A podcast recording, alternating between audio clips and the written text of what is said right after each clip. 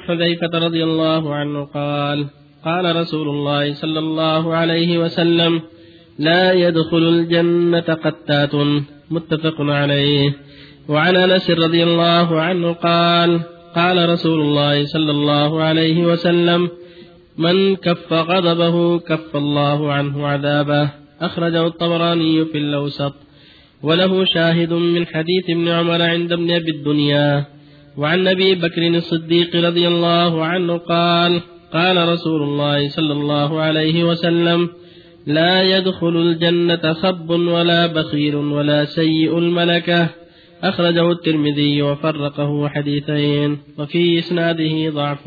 وعن, وعن ابن عباس رضي الله عنهما قال قال رسول الله صلى الله عليه وسلم من تسمع حديث قوم وهم له كارهون. صب في أذنيه الآنك, يوم القيامة. يعني الرصاص. أخرجه البخاري. الحمد لله. وصلى الله وسلم على رسول الله وعلى آله وأصحابه من اهتدى بهداه أما بعد هذه الأحاديث فيها التحريم هذه الأخلاق السيئة. والمؤمن يتحرى الأخلاق الفاضلة. فمن ما شرعه الله الدعوه إلى مكارم الأخلاق ومحاسن الأعمال. كان أهل السنة يدعون إلى مكارم الأخلاق ومحاسن الأعمال كما دعا إليها شرع مطهر.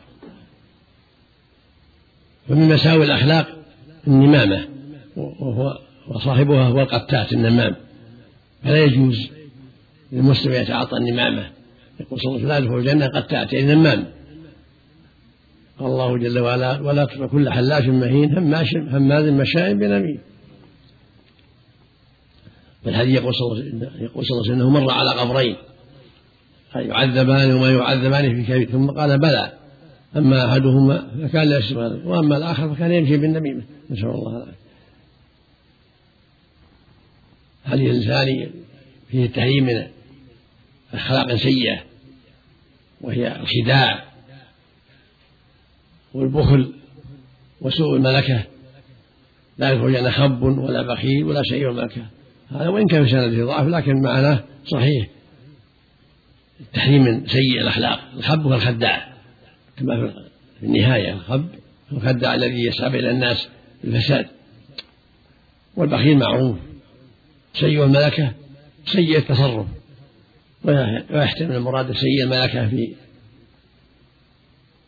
مماليكه وبهائمه يظلمها ويحتمل سيء الملكة سيء الخلق.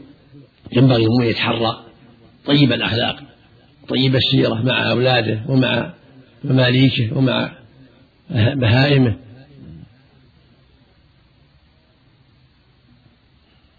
من بعده؟ كذلك من كف غضبه كف الله عنه عذابه. هذا فيه مجاهدة الغضب. لأن الغضب شره كبير.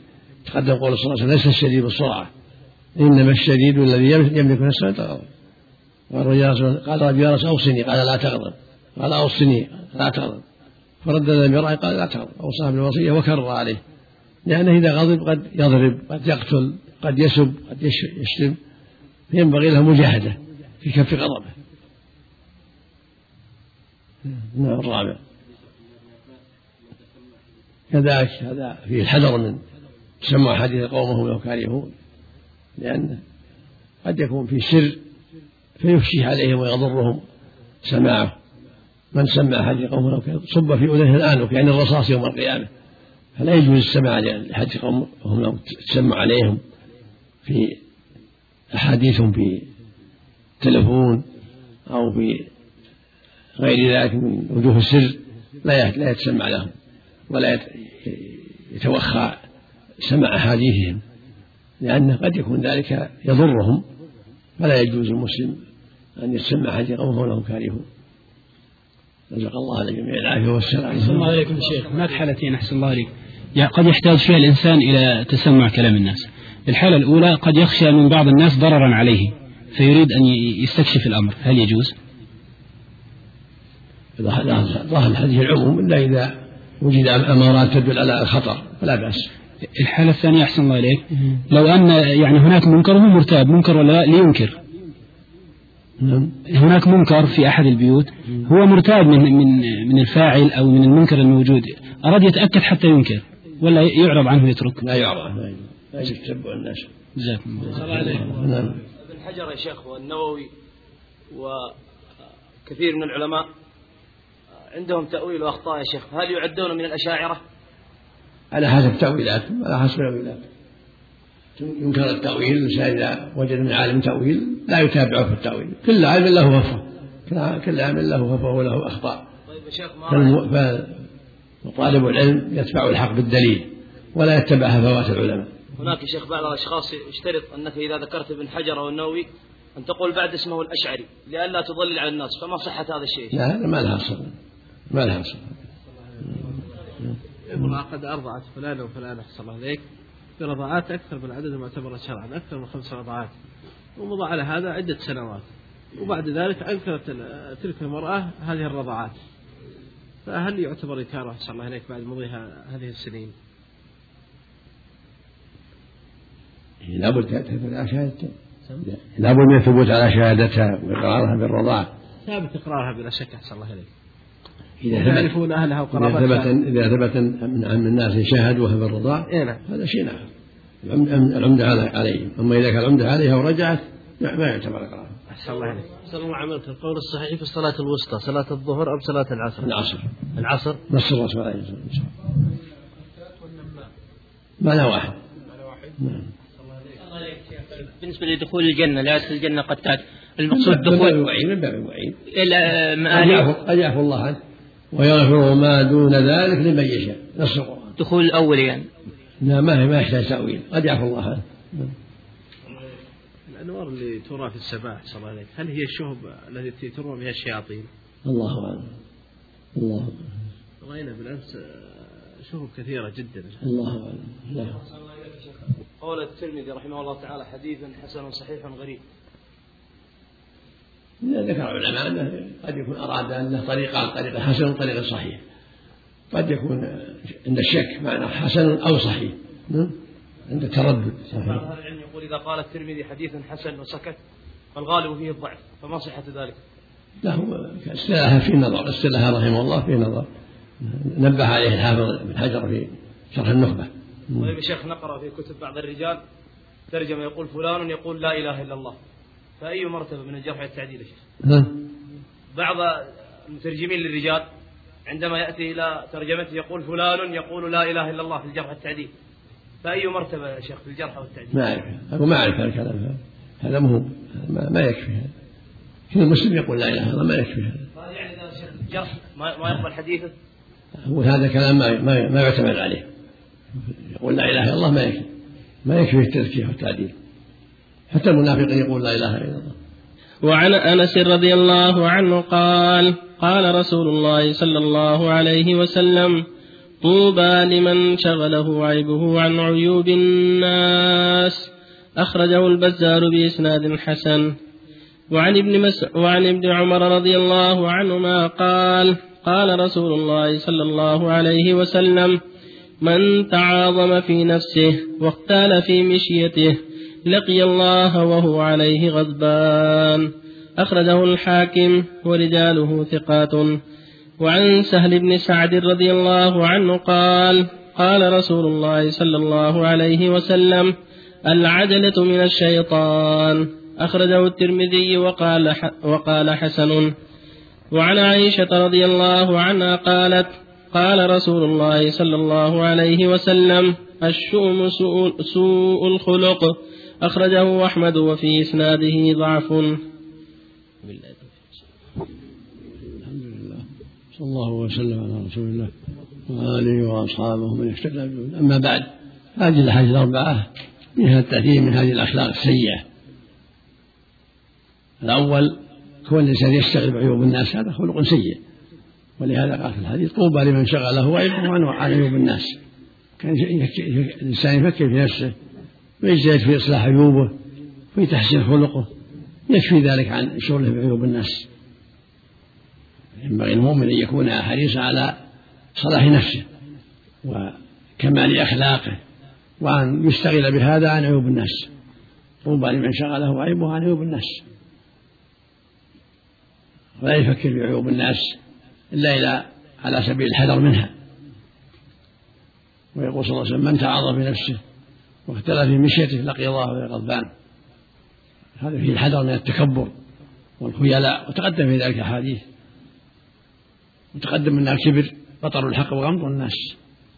تقدم قول صلى الله عليه وسلم الجنة من كان في قلبه مثقال حبة خردل من كبر. فالواجب على المؤمن أن يحذر أسباب الكبر وأن يبتعد عن الترفع بنفسه والاحتقار لإخوانه. وقد أخرجه البخاري في الأدب المفرد أيضا بلسان صحيح بقول من تعظم في نفسه أو اختلف في مشيته لقي الله وهو غضبان فينبغي المؤمن أن يحذر هذا الخلق السيء وهو التكبر والخيلاء حديث الآخر يروى عنه أنه قال صلى الله عليه وسلم الشؤم سوء الخلق. يعني أن سوء الخلق من الشؤم. يكون يكون سيء الخلق سيء التصرف مع الناس هذا من سوء الخلق. ينبغي للمسلم أن يكون خلقه حسنا. البر حسن الخلق كما تقدم في الحديث الصحيح. البر حسن الخلق. الحديث الآخر يقول صلى الله عليه وسلم إنكم لا تسعوا الناس بأموالكم ولكن يسعهم بسط الوجه وحسن الخلق. الحديث الآخر يقول صلى الله عليه وسلم لا تحقرن من المعروف شيئا ولو أن تلقى أخاك بوجه طرف. فسوء الخلق من من الشؤم الذي يرضي صاحبه. فينبغي الحذر من هذه الصفة التي هي شؤم الخلق بل يكون طيب الخلق بسط الوجه طيب الكلام مع إخوانه لا سيء الخلق مع إخوانه. الرابع كذلك حج العجلة ينبغي الحذر منها تؤدى في الأمور وعدم العجلة. قد يغلط ويخطئ في العجلة هي من الشيطان فينبغي عدم العجلة في الأمور التي تحتاج إلى التؤدة أما الأمور التي تحتاج العجلة لئلا تموت هذا شيء معروف. لكن الأمور التي لا خطر عليها ينبغي التؤدة فيها والتريث والتأين والتأني حتى يعرف وجه الصواب حتى لا يقع في الخطر والباطل. مثل خروج المسجد يمشي على هون ويقارب بين خطاه للأجر. مثل النار في النار في أمور الناس في قضاء خصومات في إصلاح بينهم. في قضاء خصوماتهم في حل مشاكلهم لا يعجل حتى يظهر له وجه الصواب. وفق الله الجميع صحة حديث أنس طوبى لمن شغله عيبه. لا بأس به. حسنها الحافظ رحمه الله. حديث أنس المتفق عليه من السنة إذا تزوج البكر على الثيبه قام عندها سبعا ثم قسم.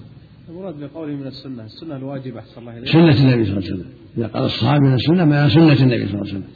نعم. الله عنك قلتم ذكر العيب على سبيل التحذير. نعم. كيف يكون؟ نعم. يعني تحذر من عيب في الناس؟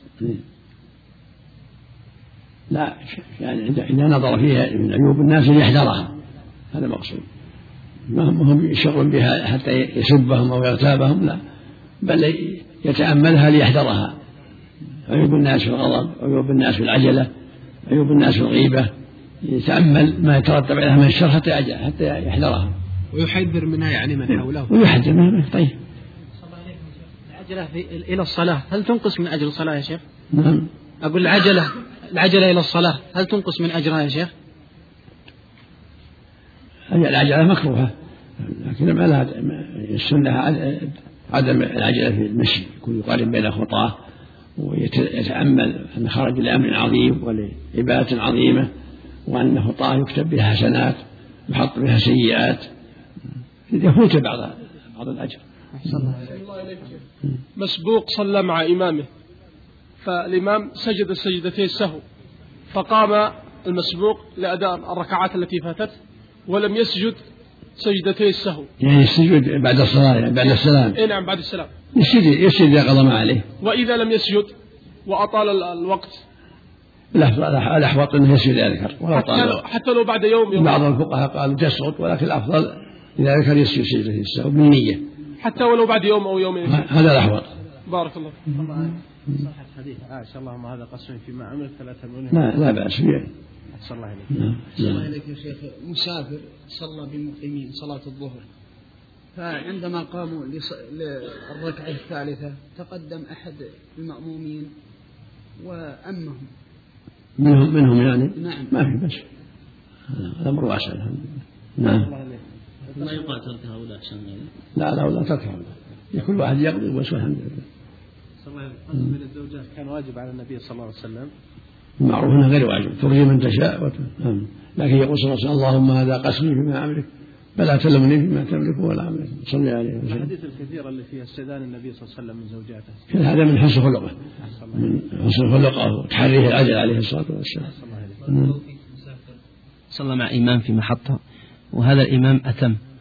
فبعد هذا المسافر صلى ركعتين ثم سلم والإمام آه، رفع من من من السجد أتم الثاني الصلاة. أتم الصلاة.